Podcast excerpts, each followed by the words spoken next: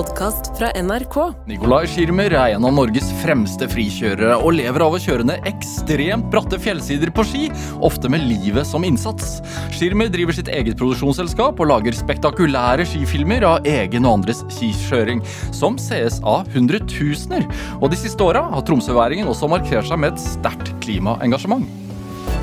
Dette er Drivkraft med Vegard Larsen i NRK P2. Nikolai Schirmer, velkommen til Drivkraft. Tusen takk. Hyggelig å være her. Veldig hyggelig å ha deg her. I live. Ja, I livet. Kom fram hele veien. Ja, Ofte med livet som innsats sa jeg, i starten her. Ja, Det er viktig å skape litt drama rundt det man holder på med. Ja. For å få flere klikk. Ja, for å gjøre det spennende. Det er jo underholdning. Ja. Det, um, det er jo interessant å se at eh, jobben er å kjøre ski ned bratte fjellsider, men jobben er jo på en måte å bringe de fjellsidene ut til andre mennesker, sånn at de kan se på det. Ja. Og underholde dem, da. Hva, hva, hvordan vil du da definere det at du kjører ned bratte fjellsider, siden det ikke er jobben? Det er jo bare noe jeg gjør for moro skyld, for jeg er veldig glad i å kjøre ned bratte fjellsider. Er hvordan har du det? Jeg vet du kommer rett fra Göteborg.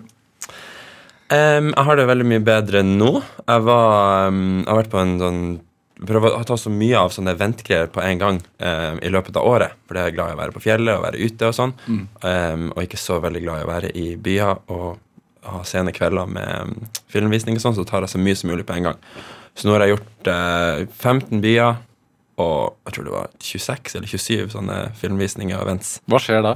Um, da legger vi ut og sier hei, nå skal vi vise skifilm i en by. Og så håper vi at folk kjøper billetter og møter opp. Og det har de heldigvis gjort, da. Det er skiinteresserte i både Norge og Sverige. Em, og så kommer de dit, og så ser vi på film sammen og feirer vinteren som skal komme, da. Ja. Så, så i Göteborg i går, eksempel, hvor mange kom? I Göteborg i går var det 200 bæsj. Ja. Det, var en, eh, det var en kino med plass til 200 bæsj. Og da, og da så, skal du til Stockholm i seinere i dag, veit jeg, for å vise film da også, eller? Eh, ja, i senere i dag skal jeg til Stockholm. Da er det med, det med en sponsor, da. Så da, da er det med en sånn event i en butikk de har. Så da samler de folk i butikken, og så viser jeg en film der. Hvordan er Hvorfor kommer folk? Fordi de kan jo se dette på TV-en hjemme. Ja, det er jo en scam. Du, her kommer jo inn på internett senere, så det er jo helt idiotisk at de møter opp og betaler penger. Hva er det de driver med? Nei, um, det er jo litt sånn i skimiljøet, da. Jeg har sånn følelse av at uh, vi sitter jo litt sånn på hver vår fjelltopp rundt gjennom vinteren, og vi oppsøker sånne opplevelser som gjerne er best i veldig små grupper. Du vil jo gjerne ikke være flere enn tre-fire personer på fjellet. Um, for sikkerhet og for eh, altså vi sier speed is safety. Um, eh, men det fører jo til at man ofte ikke møter miljøet. da. Og det er jo veldig mange folk eh, som deler denne uh, lidenskapen for ski og fjellet, og det å da skape sånne møteplasser hvor man faktisk kan ses og møte andre folk som også har den samme lidenskapen, det er sjukt fett. Og for meg har den perioden her, høsten, da, der man kommer sammen og da ser på de opplevelsene alle andre har hatt gjennom altså den vinteren som var, for å da liksom bygge opp stemninga for den vinteren som kommer. Det er utrolig fint, og det er et sånn ritual som har vært i, i skimiljøet i årevis. da. Hva, dette skimiljøet, hva, hva er det? Skimiljøet er jo da miljøet av mennesker som liker å komme seg ut på fjellet og kjøre på ski. Ja. Um, Hvor, det hvor stort er det i Norge, tenker du? Nei, si det, da. Nå har vi Altså, nå gjorde jeg en sånn skifilmturné, og så Fri Flyt, et magasin, gjorde også da. Og her i, i, um, i Oslo, da, så fylte vi opp Chateau Neuf to kvelder. Så det er vel nesten 1000 pers. Ja. Og det var de som er så ivrige at de kommer og, um, kommer og ser på film, da. Men jeg har inntrykk av at uh, det å gå på topptur Når jeg begynte med det som liten gutt, så var det veldig sært. Det var meg og min kompis Vegard, min første kompis Vegard, ikke nummer to her, eh, som gikk topptur i mitt miljø eh, i Tromsø. da. Um, mens uh, nå har jeg inntrykk av at det begynte å bli liksom langrenn. da. Og veldig mange av de folk, turene folk før gikk på fjellski, da, nå skjønner man at hvis du går kanskje litt høyere så kan du, og på litt bedre utstyr, så har du det veldig mye artigere. da. For det er jo sinnssykt sinnssykt gøy å kjøre på ski Er det- i god snø. Er det, er det en bra ting at, uh, at det, det har eksplodert sånn? Interessen? Jeg syns det er en bra ting. Altså, Ski er noe som har brakt meg utrolig mye glede i livet. Og sinnssykt mye mening. Altså, du altså, ja, Fra jeg var tolv, da, 11-12, så har jeg våkna opp hver dag og vært sånn Yes! Nå skal jeg finne på enten liksom, hvor skal jeg dra på ski i dag, eller hvordan kan jeg tjene penger sånn at jeg kan dra på ski seinere, eller Ja, altså, du har veldig mye Det å ha noe sånn som du gleder deg så mye til, gir utrolig mye. Og ski er ganske spesielt. altså Jeg pleier å dra en parallell til fotball. Det er veldig få mennesker som jobber i kassa på Coop et halvår for å ta seg fri neste halvår og dra og spille fotball i Brasil med vennene sine. Det er ikke så mange som gjør det. Og det er jo kanskje fordi du kan dra og spille fotball på Løkka, men, men også fordi at det er, det er annerledes. Det er noe spesielt med ski. Eh, og det er en veldig sånn stor kultur og masse mennesker som gjør akkurat det. da. Og det gjorde jeg gjennom hele min tidlige kan si, altså når jeg var ferdig på videregående, så jobba jeg hele høsten og hele sommeren for å ha penger da, til å kjøre ski gjennom hele vinteren. Dette er Drivkraft med Vegard Larsen i NRK P2. Og, og i dag er eh, frikjører Nicolai Schirmer her hos meg i Drivkraft på NRK P2. Eh, Det ligger en TV-serie av deg ute på NRK for tiden eh, som heter Eksponert.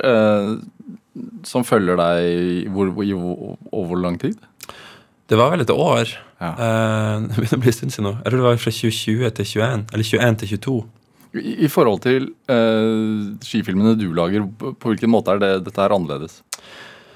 Um, målet til Heidi, da, som var regissør, var å gjøre det litt mer allment tilgjengelig. Og vise litt mer av uh, det som lå bak i hverdagslivet. Altså sånn hvordan er det når vi kommer ned fra fjellet, og før vi drar ut på fjellet. Jeg har jo et ganske ikke ensidig fokus, da, men hovedfokus er jo på fjellet. Og det er det jeg syns er interessant. Men så vil du vise litt mer av det livet rundt. da. Hvordan er det å leve livet som profesjonell skikjører. Um, det føler jeg på en god måte. Jeg har fått uh, møte damer på 60 år på butikken som har sett det her og fått ny innsikt i mitt liv. Hva sier de? Nei, de syns jo det er kult, da. Og gøy. Og spennende og skummelt. Mange syns det virker veldig skummelt. Ja. Er det det, da? Ja, det er jo veldig skummelt når du skal um, kjøre ned en bratt fjellside. Em, men jeg har gjort det i veldig, veldig mange år, da. Og du bygger jo opp på en måte en tillit til dine egne ferdigheter og kunnskap. Den, den serien uh, starter jo ganske spektakulært uh, med en scene hvor uh, du er på vei opp på toppen av det som i hvert fall for meg ser ut som en ekstremt bratt fjelltopp. Hvor- befinner vi oss der? Da er vi i Østerrike. Hva slags topp er dette? Det her var uh, Albona Kappspitze. Vi kalte det, eller det blir kalt Lilla Alaska i, eh, i miljøet der nede. da. Som er en sånn utrolig utrolig bratt uh, fjellside. Sjelden besteget, står det på internett. Sjelden besteget, det stemmer. Det er ikke så mange som gjør det. Det er for spesielt interesserte, som man Ja. sier. Og, det, og det, i åpningssekvensen der, så Du går ikke opp på fjellet, du henger uh, i, i fjellsiden med isøks. Ja, altså Det er jo ikke vertikalt. Jeg kan jo, jeg står ganske komfortabelt på med isøks og, og stegjern. da. Man blir som en sånn jerv oppover der når man har sånne ting. Ja. Så da klatrer jeg oppover. da. Uten tau, og det er, det er deg og piggskoene og isøksen. Ja, jo jo, men altså du er ikke i nærheten av altså, Hvis du skulle rangert det her på kan man si, alpinklatring eller tradeklatreskalaen, så er det veldig veldig lett klatring. altså.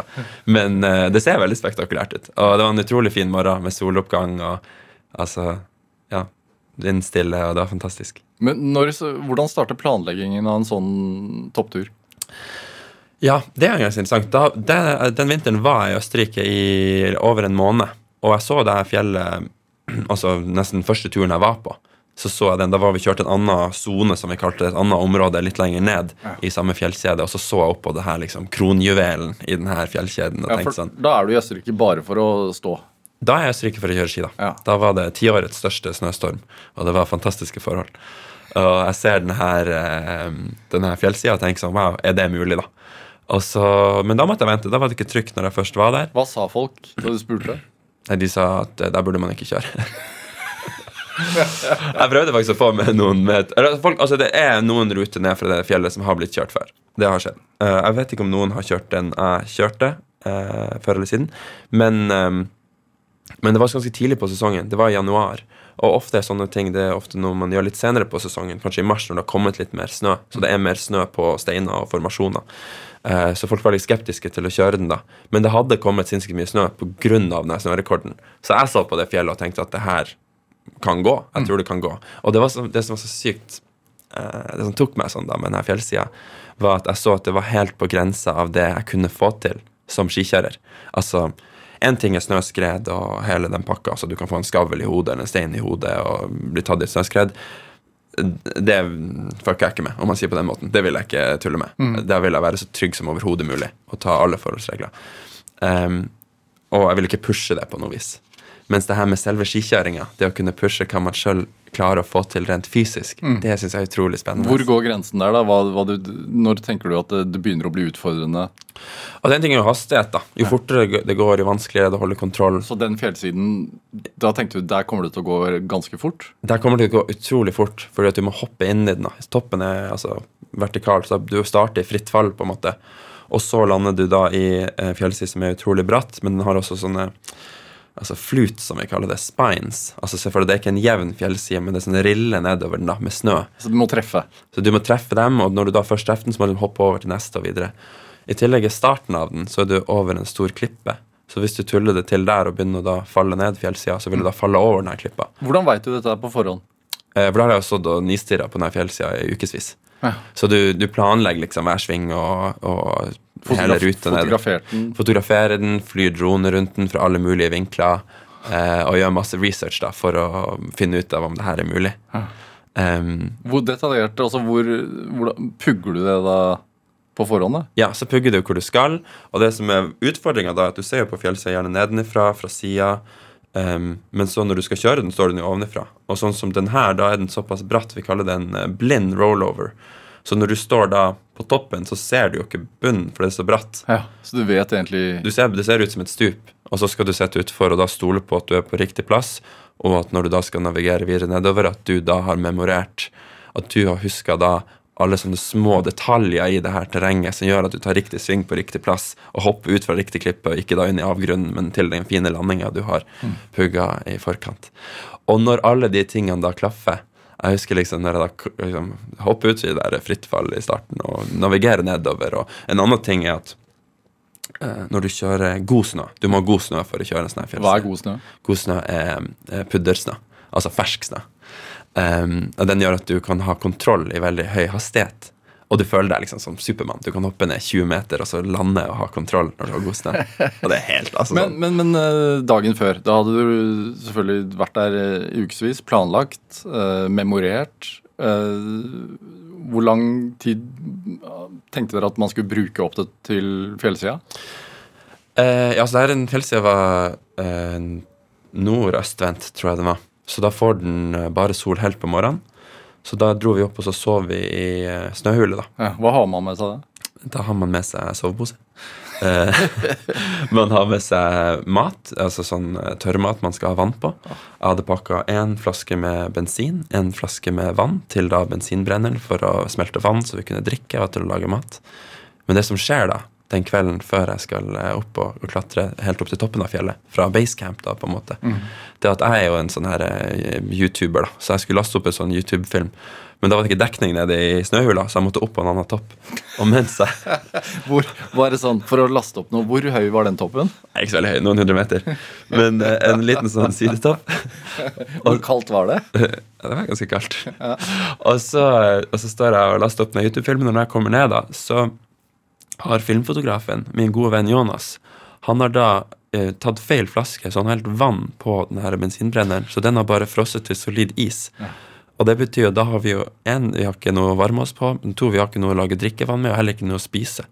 Så det ble liksom tvungen sånn her intermittent fasting, da, den kvelden. Og jeg husker jeg lå der og liksom hadde, hadde bitte litt vann igjen, da, kanskje noen desiliter i flaska på, fra turen opp Ja, For du trengte å koke vann for å ha i turmaten, selvfølgelig. Ja. Ja, ikke sant?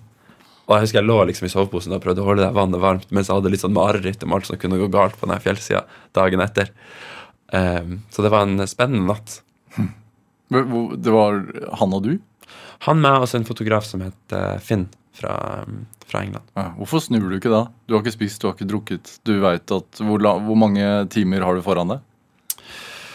Ja, det var kanskje to timer opp til toppen. Greia er at du må ha så perfekte forhold for å kjøre en sånn fjellside. Ja. Og de forholdene er kanskje Er du heldig noen, noen få dager i løpet av en sesong. Og hvor mange sesonger har man i et liv? Og liksom det er et eller annet med at når de mulighetene er der, um, til å ha de opplevelsene, så må man gjøre det man kan for å ja, gripe dem. da. Ja. Huh. Og så er det Når jeg ser den uh, Det startet av, eksponert når du er i fjellsiden der. Én ting er jo det bratte, men du er helt aleine. Vanligvis så er dere flere i fjellet. Ja, vanligvis er vi flere, men det var ingen som hadde lyst til å være med akkurat på denne turen. Hvorfor ikke? Nei, det var ingen som jeg, jeg hørte med noen kompiser, men det var ingen som følte at det var noe de hadde lyst til å gjøre. da Hvorfor ikke? Kanskje det var litt bratt, da. ja. Men det, hva gjør det med deg, da? Når de som du vanligvis kjører med, som også er unnskyld uttrykket, altså med råtasser i fjellet, sier nei, den står jeg over. Jo, men jeg har kjørt veldig mye på ski med folk som ikke har lyst til å pushe det, da, og ikke har lyst til å oppsøke de opplevelsene jeg har lyst til å oppsøke. Og jeg er ganske vant til å, å være den personen i gruppa som kjører det, det som er hårete, da. Og, og Egentlig litt interessant. Det er mye snakk om det her med at man ikke ser andre folk gjøre ting, og derfor er det vanskelig for deg å gjøre det. Og jeg har ikke følt så mye på det. Um, det handler mer om hvis jeg tenker at det er mulig for meg, og det går bra, så eh, ja, jeg, jeg, jeg tenkte at det her kom til å bli tipp topp, og at det var en flott fjellside å kjøre ned. Hvordan har du det om natten, da? Den natta var litt uh, stressende. Det er altså et eller annet med at jeg har jo da uh, Jeg har jo da gjort masse research på den fjellsida, men jeg har jo ikke vært inni den. Og uh, jeg kan sjekke snøen på toppen. kan jeg sjekke, altså Det mest skredutsatte greia Når fjellsida blir så bratt som den her var, så er den ikke særlig skredfarlig. Fordi at uh, snøen egentlig bare rutsjer ned fjellsida. Hvordan sjekker man det? Um, om den er såpass bratt. Du kan se på kart, men du kan jo bare se på den. Um, men helt til starten er det ikke like bratt. Men da kunne jeg da lage et snøanker, binde meg inn i et tau, så jeg kunne gå inn i det første delen av fjellsida, som da egentlig var det mest skredutsatte, det mest farlige. Og så kunne jeg sjekke den da helt trygt med å være i et tau.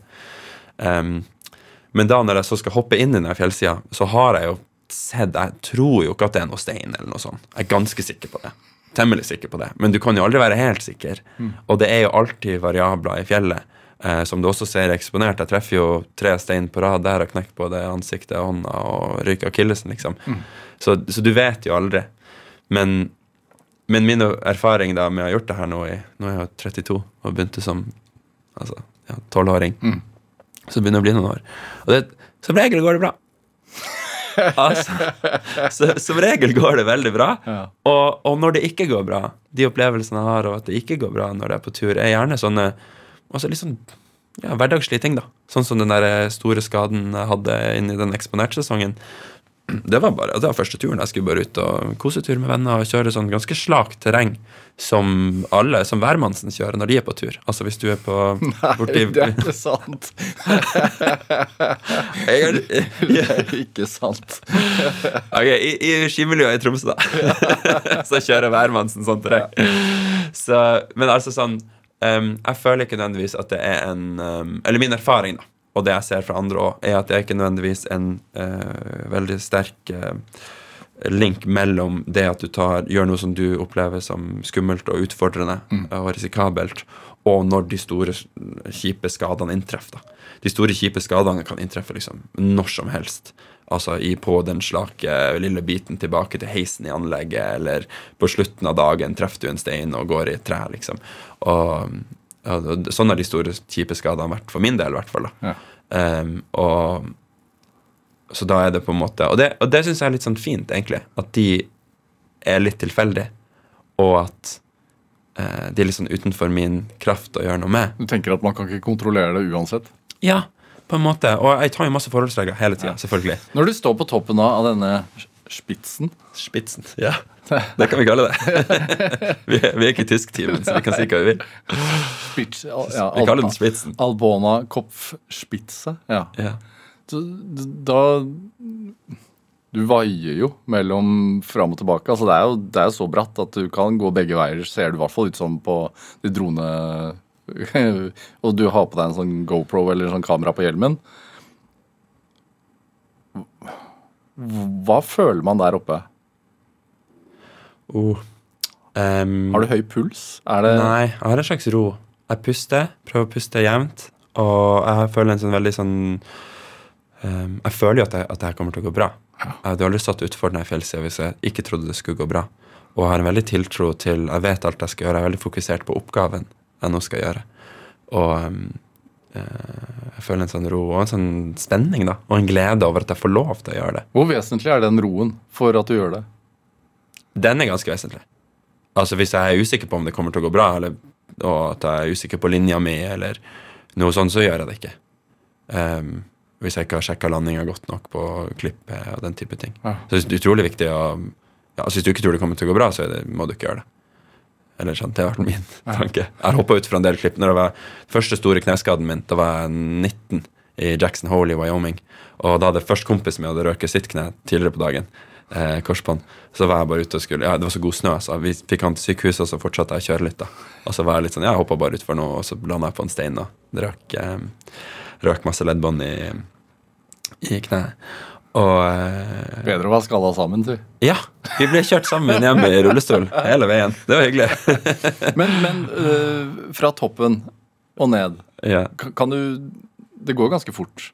Det gikk ganske fort. Og det er ganske kjapt over også, før du er øh, på trygt, øh, trygg grunn, på et vis. Yeah. Kan du, men klarer du å forklare hva du får med deg? Ehm, hva får jeg med meg? Ja, nei, altså, jeg får først med meg at det går bra. Det er på en måte sånn checklist når jeg kommer meg ned gjennom Altså Når du har hoppet ut for den blind øh, Ja. Hva kalte du det? en blind rollover, da. Ja, Når du har hoppet ut av den og lander, da, Ja. det er første Ok, første, ikke sant? Du, du ser det utfor. Først ser du jo bare stupet av grunn. Du ser bare, du ser bare det flatmarka lenger nede. Du ser ikke fjellsida. Så ruller du da over inn i fjellsida. Eh, kommer jeg da, så begynner jeg, begynner jeg først å se det her, og der er det bratt, og der er det stein, dit skal jeg ikke. Og så ser jeg ok, der er takeoffen min, her er utgangspunktet mitt, der jeg skal hoppe ut. Hvor fort går det da? Da går det ikke så veldig fort. Kanskje 20 km i timen. Ja.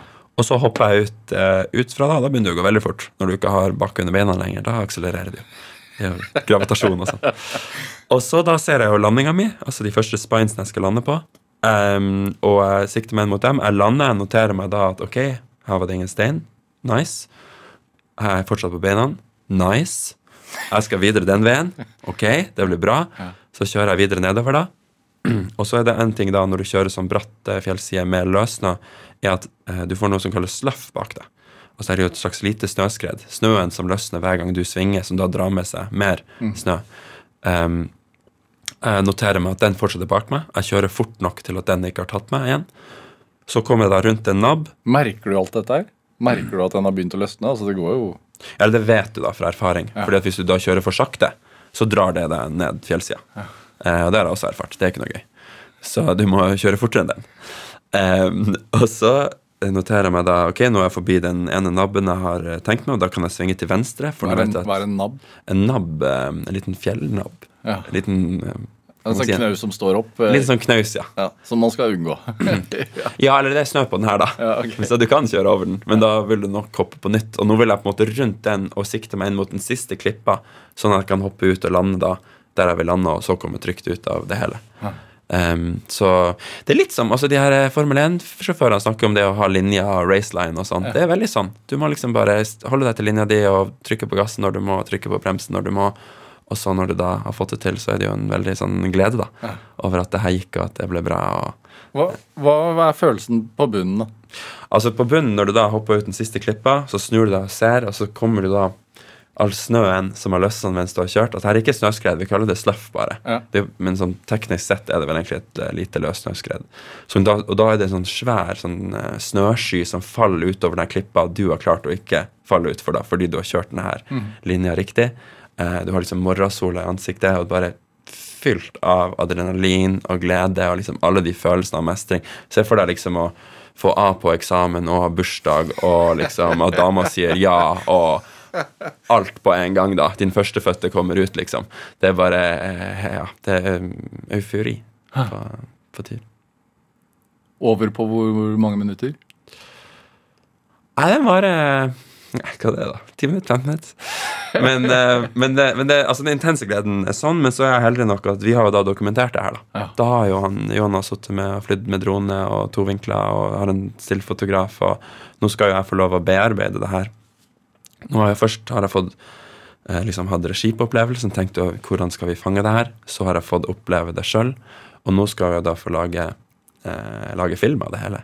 Og få gjenfortelle hele denne historien. Og sette på musikk og gjøre det så dramatisk som mulig og storslått som mulig. Og, Får du et kick av det også? Første gang du ser det?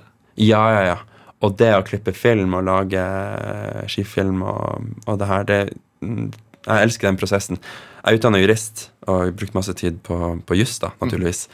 Og den prosessen er veldig sånn Du følger en algoritme, følger en oppskrift. Gjør du det riktig, kommer du fra A til B. Har du gjort det på riktig måte, så har du riktig svar. Ferdig. Mens det som er så kult med å klippe film, er det her med at ehm, Selvfølgelig er det noen regler, men det er en sånn følelsesstyrt prosess. Så jeg klipper litt på det, og så er jeg sånn, ah, det kjennes ganske bra ut. Gjør det sånn, ah, det kjennes litt bedre ut. Litt mer, ah, enda bedre. Og så når det bare kjennes bedre og bedre og bedre ut, og du ser på det og får sånn skikkelig skikkelig bra følelse, da vet du at du er ferdig. Men det å stå ned den fjellsiden, det er jo litt liksom å være jurist, da. A til B. Følge oppskriften. Det er faktisk sant. Du har lagt, men du har lagd oppskriften sjøl, da. Ja. Og så er det kanskje litt Nei, det er mye konsekvenser som jurist også, da. Det er mye på spill, da. ja. Du kan ikke krasje en fjellside, da. Eller hoppe ut for et stup. Det kan du ikke, men du kan ødelegge mange liv. Hva, hva, hva gjør det verdt det? Hva, altså jeg skjønner adrenalinkicket som, som varer en stund, øh, og mestringen.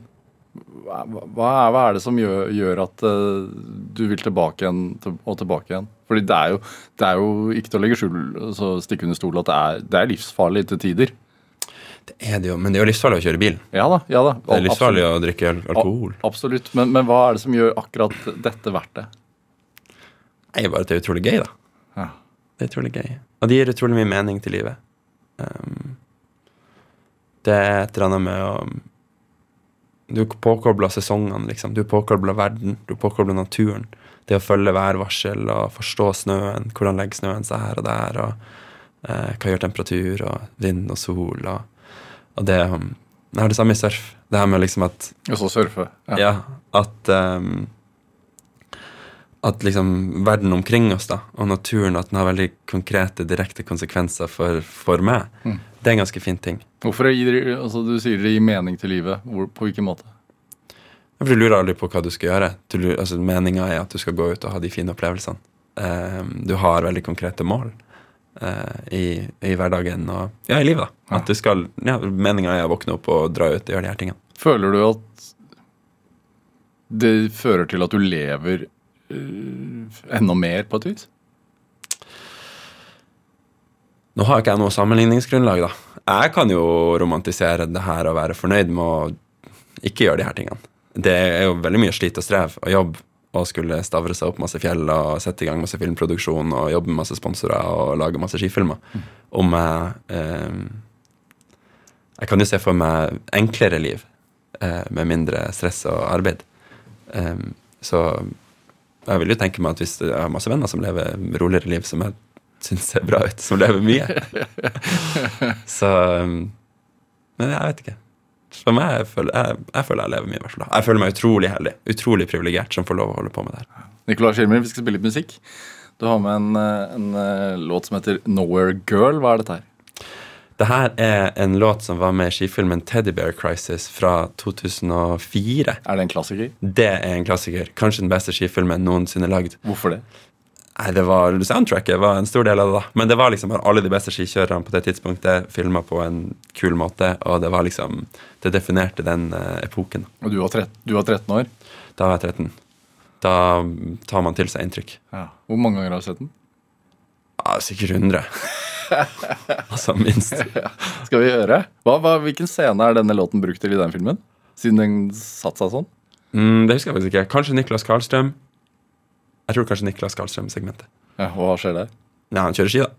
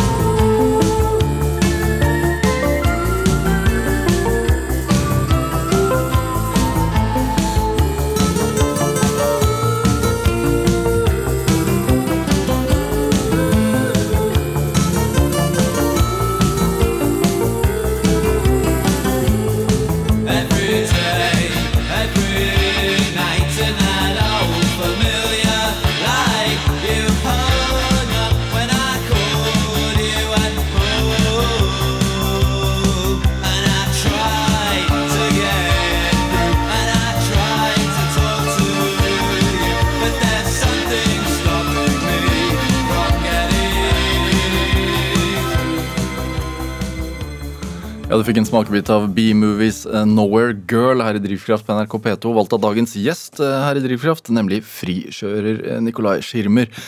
Du snakket litt her under, under når låten ble spilt, at veldig mange tenker at det er så farlig og har fokus på det. Mens at du og dine ikke tenker på det, ikke har noe fokus på det. ja, vi har jo fokus på at det er farlig i kraft av at vi gjør masse arbeid for å gjøre det mindre farlig. Men når alt det arbeidet er gjort, så opplever vi det ikke som så særlig farlig. Altså, Vi går jo ikke ut i fjellet og tenker sånn Oi, i dag skal vi risikere livet vårt. Det er heller, heller det motsatte. Vi tenker nå skal vi gå ut og ha en fin opplevelse. Og fordi vi nå gjør det på riktig måte, og har med riktig utstyr og riktig trening, så kommer det til å gå bra. Men hvordan er det i miljøet når eh, andre opplever det å bli tatt av skred eller eh, omkommer på tur? da? Ja, og Da blir det jo eh, veldig mye fokus på hva har man gjort galt. For da har jo noe feil skjedd. Det oppleves jo noe som ikke hører med. Altså Det, det skal jo ikke skje om du, om du gjør det her på riktig måte. Så det er et veldig fokus på, da på sikkerhet og liksom hva har skjedd i denne situasjonen som leda til denne ulykken. Veldig likt en trafikkulykke. Hva skjedde her som gikk galt? For om du er i trafikken på riktig måte, så er det faktisk ganske trygt. Ja. Du, det er ikke så lenge siden du opplevde at en, en venn av deg og en, en legende i frikjøremiljøet, Christopher Henry, døde. Ja, i Chile nå. Ja. falt ned. Um, ble sløffa ut av sin partner, faktisk, i, på vei ned fjellsida. Så det var, han står på en, over en klippe, da, og så kommer det en over han, og så løsner litt snø, og så blir de dratt ned sammen. da. Nei, det får deg jo til å tenke, da. Og når, når det skjer, så er man jo sånn altså det er jo, Han har jo barn også. Ehm, Hvem var han? hvem han er? Ja, hvem var han? Eh, han er en, en, ja, en definerende skikjører fra Chamonix i Frankrike. Kjørte, kjent, for, kjent for å kjøre stupbratte ting superfort, og en rå skikjører og mm, liksom, har tatt masse risiko. Men måten han strøk med på, var ikke knytta til måten han har tatt risiko på. Um, to ting som jeg skal analysere den uh, ulykken for nærme, da, men det som slo meg der, var f.eks. at vi eh, pleier aldri å kjøre etter hverandre med mindre eh, nummer den første som kjører, har funnet seg det vi kaller en safe spot. da. Altså som man kjører én og én, så i tilfelle noe skjer, så vil det bare skje med den ene, og den andre kan da hjelpe, for eksempel, da. Mens her var det en situasjon hvor de kjørte samtidig, og den, snøen fra den skikjører nummer to drar skikjører nummer én utfor en klippe, da. og de um, stryker med. Så det er veldig uheldig. Hvordan er det for de uh, som er nære deg når du gjør dette her? Så, altså de som ikke er i miljøet? Foreldre, f.eks. For Nei, de stoler jo på at jeg tar gode avgjørelser. Heldigvis. um, jeg tenkte mye på det, og jeg, noe, jeg hadde en venn som var i en ulykke i vinter. En yngre skikjører. Han uh, var i et snøskred og knakk ankelen for andre gang. Og han ville snakke med meg om liksom, hvordan dealer du med foreldre, og sånn, for han fikk mye press på seg. Hvorfor Uh, hvordan kan du utsette oss for det her, da? Og det er jo mye mening, liksom. Hvordan kan man utsette nærstående for det? Jeg tror jeg er litt heldig, fordi når jeg begynte, så var det ikke sosiale medier og den type ting. Så vi var liksom bare ute og var idioter på fjellet. Og vi var virkelig idioter når vi begynte. Altså Nå er jo folk flinke. Altså Ungdommen som kommer ut nå, har jo skredvarsel og masse trening. og det hele. Vi hadde litt trening, men hadde jo ikke noe som helst kunnskap om snøskred. Og kunne jo ingenting. At, vi, at hele den generasjonen jeg var en del av, at det gikk bra med såpass mange, er et eh, under. da Sett på den kunnskapen og de sikkerhetsrutinene man har nå. da Men samtidig, da foreldrene mine de så jo ikke det her live.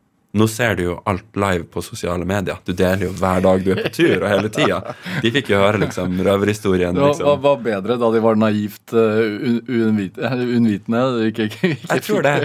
Jeg tror det, Og så tror jeg da en sakte sånn rolig eksponeringsterapi over ti år, Ja. eller 20 år, da har gjort dem vant til det. Um, men de ser jo også at det går bra, da. Ja. Men, men var det overraskende for dem, tror du, at du begynte med dette her? Nei, han pappa pleier å si at han De klatra, de klatra, de var klatrere når de var på min alder. Og han pappa sa han prøvde å, å skåne meg fra den eh, risikoen ved heller vise meg til skikjøring, da. Hvis nå, nå angrer han på det! Men eh, nei, jeg har jo alltid satt pris på denne type ting. Ja. Hva slags hjem er du fra?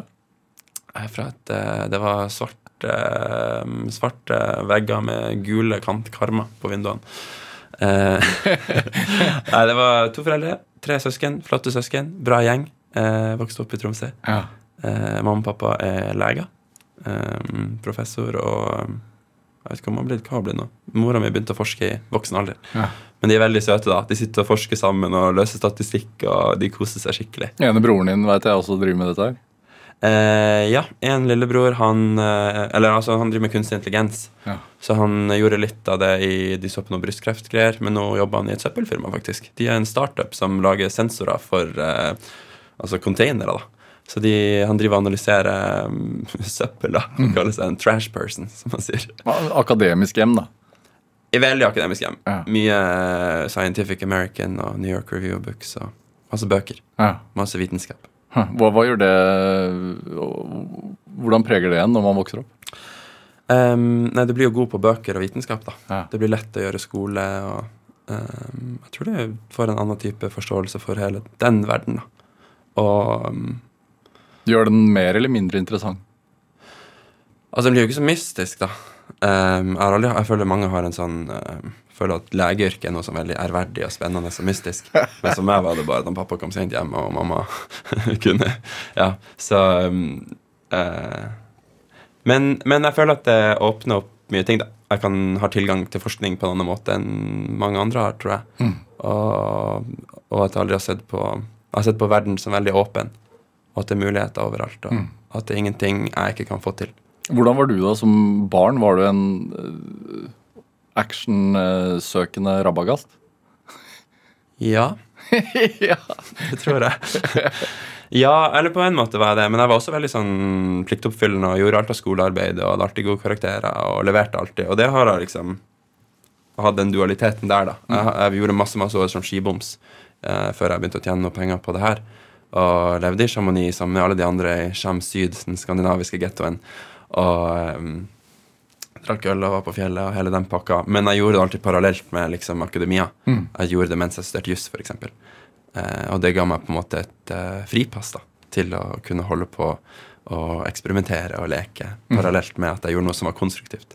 Så jeg hadde aldri noe press hjemmefra på Eller jeg hadde vel et slags press hjemmefra på å gjøre noe i akademia, men fordi jeg gjorde det, så var det greit. Da kunne jeg også gjøre skigreier. Det, det at du fortalte at i, Tromsø på den tiden da du begynte med dette, her, så var det nesten et ikke-eksisterende miljø. Uh, hvorfor ikke andre idretter? Altså, Fotball er jo stort i Tromsø. Ja, eh, jeg sleit med alt sånne lagidretter og organiserte ting. Jeg syns ikke det var noe gøy. Hvorfor det? Um, jeg syns det er vanskelig med trenere at folk skal si hva jeg skal gjøre.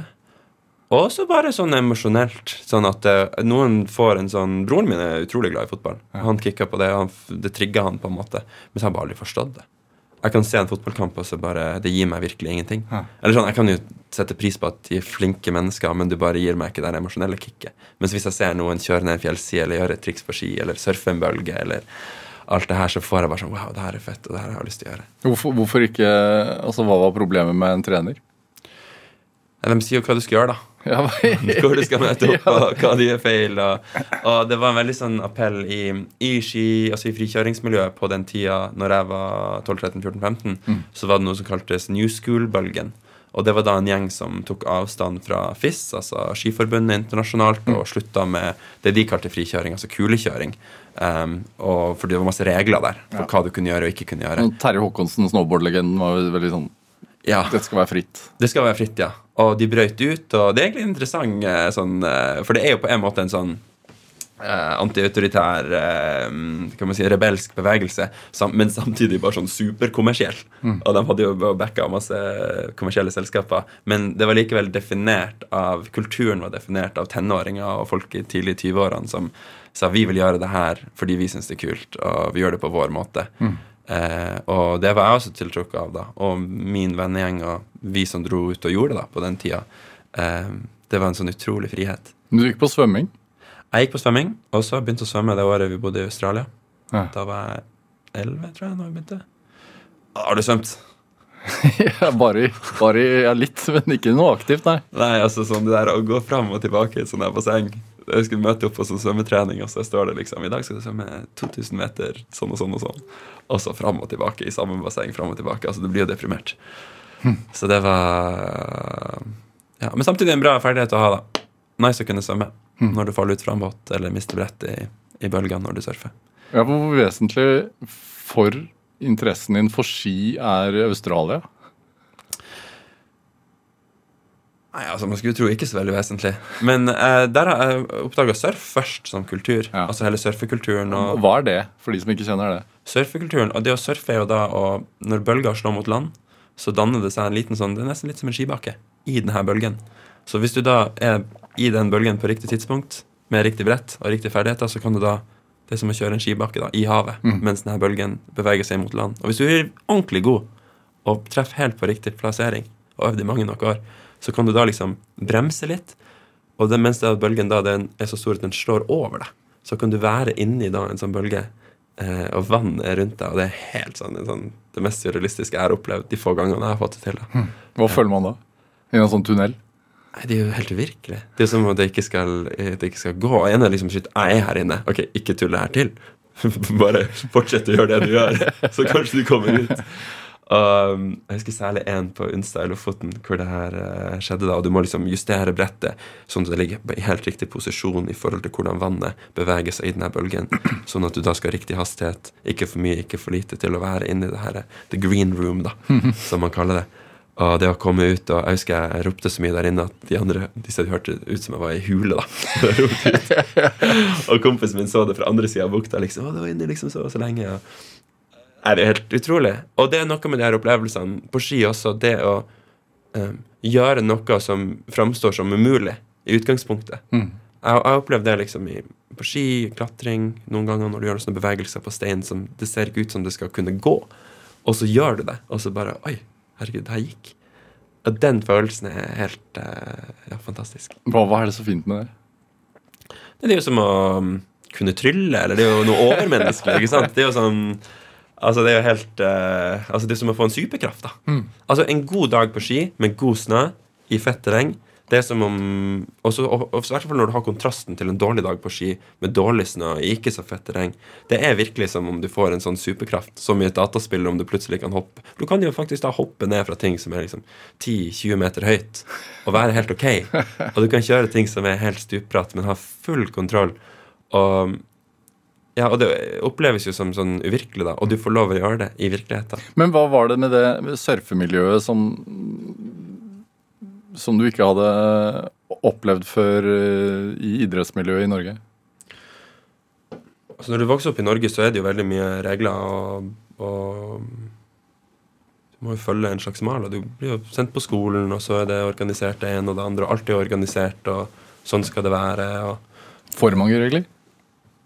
Nei, jeg tror det er bra, fint med regler, liksom. Men det er også fint med fri lek. Liker du regler? Jeg er jurist, da.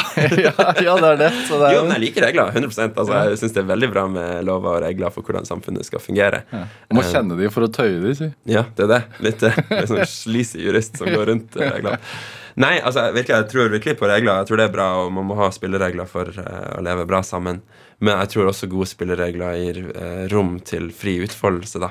Og jeg tror det er noe veldig dypt i hvert fall som jeg kjenner på, som er den her trangen til frihet og til å, å gjøre det jeg vil, og det jeg føler for i øyeblikket. og um, Jeg tror det er viktig. Tok du med deg den opplevelsen hjem?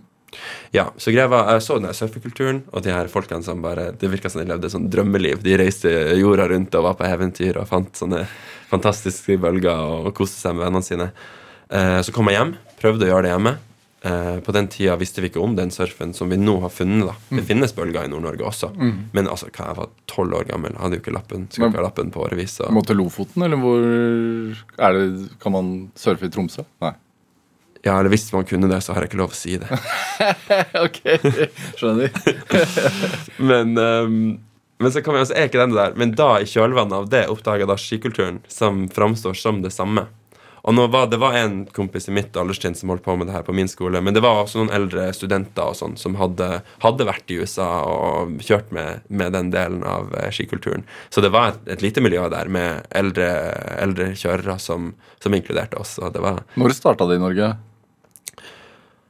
altså, Det kommer an på definisjonen av da. Den første vikingen som koste seg ned i fjellskiet. nei, nei, men så, dette det, det frikjøremiljøet da, som, er, eh, som, som, som finnes i dag. Altså noen av de første, Det var en gjeng som lagde noen filmer som het Kong Vinter. Torkel Karoliussen, Asbjørn Eggebø Næss. Eh, de holdt på på Telemark, da. Eh, de tidligste. Så de lagde, Det var vel altså starten av 2000-tallet. Jeg vet ikke om det kom noe i 99, men 2000 i hvert fall. Frode Grønvoll, mm. var tidlig pioner. Eh, så det var vel da liksom det, det vi nå på en måte er en eh, fortsettelse av. Mm. På den måten, ja. Og det her med det fokuset på filmer og, og bilder som på en måte kjernen i kulturen, da, kontra skiløp og skirenn. Hva jakter man på? Altså, når, man skal, når du skal lage en ny film Du, du lever jo dette, av dette her, av, av filmene og av sponsorinntekter. Og eh, da er det jo du er avhengig av at det blir sett, og at det blir snakket om. Hvordan, hva, hva jakter man på for å, at det neste også skal pire? Eh, det viktigste er at eh, gode opplevelser for meg og de jeg er på tur med. Det å dra på turer som vi har lyst til å være på, og kjøre fjell som vi har lyst til å kjøre, og prøve å, å ja, pushe grensen for hva vi kan få til, da. Eh, det er det viktigste. Så uh, min erfaring er at så lenge vi har gode opplevelser, og vi klarer å fange det på en god måte, så har vi et bra underholdningsprodukt. da. Det folk har lyst til liksom, Det som da gir visninger og klikker og hele den pakka som man er avhengig av.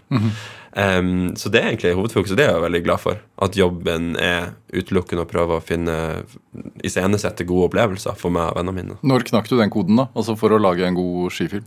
Det tok litt tid. Den gamle koden, altså den gamle måten å lage skifilm på, sånn som mange gjør det fortsatt, er det å få til de mest spektakulære enkeltbildene. Altså den mest spektakulære svingen eller trikset eller linja, da. Og så bare ta så mange av de og bare dytte det inn i en liten sånn boks og sette musikk til. Og så, så da må du gjerne jobbe et helt år for å få til fem minutter. Det var sånn som det holdt på tidligere. Um, men så tenkt så, så for å gjøre det også, så må du da være veldig effektiv for å få til så mange av de klippene. klippene. Og da er den også den tradisjonelle måten å bruke snøscootere, helikoptre og reise jorda rundt for å få til det her. Og det er jo veldig utslippsintensivt. Man brenner masse gamle dinosaurer for å få til det. Så i 2018 tenkte jeg at jeg må prøve å gjøre det her på en annen måte. Prøve å gjøre det her på en måte hvor jeg ikke må brenne like mange gamle dinosaurer for å komme opp de her fjellene. Eh, Men da hadde jeg jo det store problemet at da ville jeg ikke få like mange runder på det her fjellet. Og det å få til alle de her små enkeltklippene, vi kaller dem bangers. Når du har en, eh, en veldig bra filmklipp, så er det en banger. Og for å få da 20 bangers, eller 30 bangers, eller 100 bangers, som du da trengte for en skifilm, eh, det var, ville da være umulig når jeg nå var såpass mye mindre effektiv eh, enn jeg var på den gamle måten å gjøre det på. Så da dreide jeg hele fokuset på Ok, men jeg har jo utrolig mange opplevelser som ikke er bare de her få sekundene i bangeren. Altså Grunnen til at jeg holder på med det, er jo ikke bare den de sekundene, det er jo hele dagen. Og eh, dramaturgien i en topptur er jo utrolig god. Altså Jeg vet ikke om du har sett sånne her eh, spenningskurver. Når man eh, går på filmkurs, da for eksempel, så lærer du at en film må liksom ha en begynnelse, en eh, midtdel og en slutt, og du skal ha en spenningskurve hvor du har en karakter. Den karakteren må møte motstand. Frodo skal til eh, Frodo skal ta hive ringen i Mount Doom. Men på veien dit er det masse orker og det er edderkopper og ting han må beseire. Og du lurer veldig på hvordan det skal gå. Han helt skal nesten tape. han skal nesten tape. Og til slutt får han heveringen i Mount Doom, eller får han det? Beat Gollum av Ingen vet. Um, og så eh, Eller er alle som har sett filmen, vet. Men, det, men, men det her er jo akkurat det samme som er på topptur. da. Altså Du starter jo dagen, og du har et veldig konkret mål. Men for å få til det her målet, for å komme deg til toppen og kjøre den linja du har lyst til å kjøre, det er jo veldig ma mange ting som eh, står i veien for det. da. En er jo er du i god nok form, har du riktig utstyr, eh, finner du riktig rute, gjør du riktige skredvurderinger, kommer det en skavl og faller i hodet på deg, blir partneren din sur fordi du ikke har spist nok mat. Altså, Det er veldig mye som kan skje da. Så det jeg gjorde da, var å prøve istedenfor å bare fokus på de få sekundene eh, med den bangeren, da. Så isteden da fortelle hele, hele historien fra start til slutt, og bruke alle de her grepene, fortellergrepene som altså Aristoteles beskrev det her for første gang for liksom over 2000 år siden. Så det er jo ikke noe nytt. Men det å da ta de her gamle fortellergrepene inn da i skifilmverdenen Ja. Du, og du skriver jo også, eller annonserer jo også i filmene dine hvor mye CO2 du bruker. Ja, nå har jeg ikke gjort det på alle, men på noen, Noen, i hvert fall. Ja. ja, så det var jo da et forsøk på Altså som på gamlemåten, kan man si. Sånn som man, og sånn som mange fortsatt lager skifilm, så har man helt utrolig høye utslipp som utøver. da. Um, mine var over 40 tonn, som er fire ganger så mye som en vanlig nordmann har. Som igjen er tre ganger så mye som en verdensborger har. Og vi vet jo alle at for at denne vinteren skal bestå, så må jo de utslippene ned til null. Eh, så jeg var jo veldig mye Jeg var jo en versting, da, kan man si. Og skikjørere generelt er jo verstinger. Og det er jo et veldig sånn paradoks at vi har en skikultur og en skiindustri som er avhengig av én ting. De er avhengig av vinter. men likevel ikke er altså, de største pådriverne for endring av hvor vi får energien vår fra, hvordan vi bygger hus og alt det her. For det finnes jo masse gode løsninger på det her. Hva fikk det til å snu for deg? Fra du gikk fra versting til at du begynte å få et bevisst forhold til det? Um, det var troa på at det var mulig, og det tror jeg er det viktigste. Ja. Den troen på at verden må ikke være sånn som den er nå, for alltid. Må man være optimist for å holde på med det du driver med? Nei, Det er masse pessimister og furtne skikjerrer. Altså. Det er ikke det. I hvert fall de som er over 30, sånn som meg. Men um, Nei, man må jo ikke det. Og det må, man kan jo være kynisk, og, selvfølgelig. Men jeg er optimist. Og jeg har veldig troa på at Jeg har sett så utrolig mye bra endring i verden. Altså Det samfunnet vi lever i nå, er jo helt fantastisk. Bare det at jeg kan holde på som jeg gjør, er jo absurd. Ja. Absurd bra. og, og at liksom Kvinnerettigheter, arbeiderrettigheter altså, Det er så mye mm, bra som har skjedd i verden. Og det er så mye endring som Hvis du ser hvor utgangspunktet var, den endringa som så skjedde i etterkant, er ganske utrolig. Altså Jeg var i Sverige nå og snakka til svenskene og prøvde å dra dem med på denne klimakampen, det svenske skimiljøet. Og jeg beskriver der, altså I Sverige hadde de på starten av 1900-tallet det Piketty beskriver ikke på norsk, med sensitary voting system. Altså det er jo da et stemmesystem hvor du får stemme ut fra hvor mye penger du har.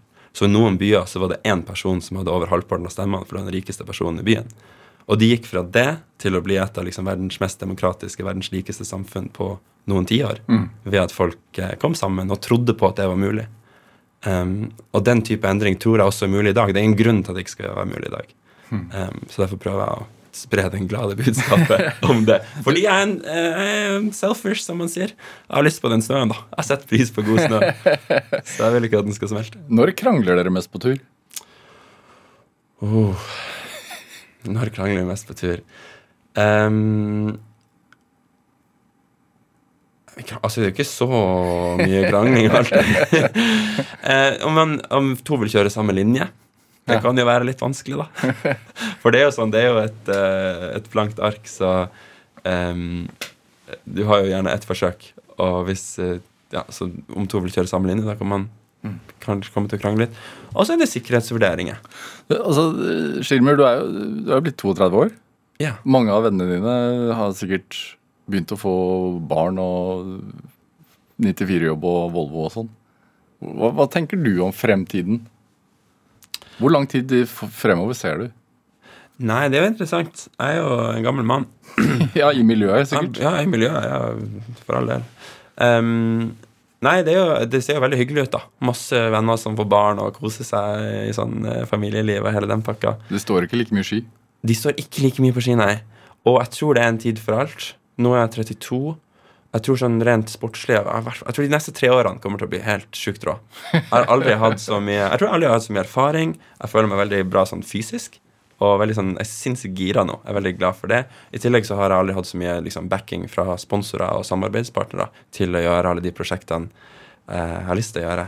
Og jeg har følt sånn utrolig motivasjon inn i denne sesongen. Nå har jeg jobbet med noe, en ny film som jeg begynte å filme på i fjor. Eh, det er veldig vanskelig å finne gode historier i skiverden. Det er veldig mye 'yeah, bro, vi kjører ski'. Um, så nå har jeg en sånn historie som strekker seg over litt tid, og jeg kan jobbe med den og samtidig ha fokus på, um, på det sportslige. Da. Ja. Så nå, enn så lenge, føler jeg masse motivasjon. Hva er drivkraften oppi det hele? Det er vel strengt tatt bare lek og moro. Ja. Innafor en viss struktur av å skape ting. Da. Å endre verden litt? Ja, Sånn at vi kan ha det, gjøre mer lek og moro. Det med sponsorer, nødvendig onde? Um, jeg liker jo de her skiproduktene. da Jeg syns jo det er veldig gøy. Jeg setter pris på bra biler og ski og klær og hele pakka. Uh, jeg har et veldig godt forhold til dem. Da kan jeg jo ikke si noe annet her. Det Nei, det er det. Vi hadde en lang eh, prat på forhånd her om skibindinger, så det er mye man kan prate om. Ja. Men um, Nei, det er jo selvfølgelig det, Man er en kommersiell, eh, kommersiell aktør, for all del. Det er jo ikke kunst på den måten. Nicolai Schirmer, tusen, tusen takk for at du kom til Drivkraft. Tusen takk for å være her. Lykke til i neste fjell. Takk. Hør eh, flere samtaler i Drivkraft på nrk.no eller i appen NRK Radio. Der kan du også følge oss. Da får du alle de siste Drivkraftsamtalene rett inn i appen din. Send oss ris eller ros, og også tips til mennesker som du mener har drivkraft. Send den e-posten til drivkraft.krøllalfa.nrk.no. Vi hører veldig gjerne fra deg. Produsent og researcher i dag, det var Kjartan Aarsand. Men dette, dette var Drivkraft. Jeg heter Vegard Larsen. Vi høres. Du har hørt en podkast fra NRK. Hør alle episodene kun i appen NRK Radio.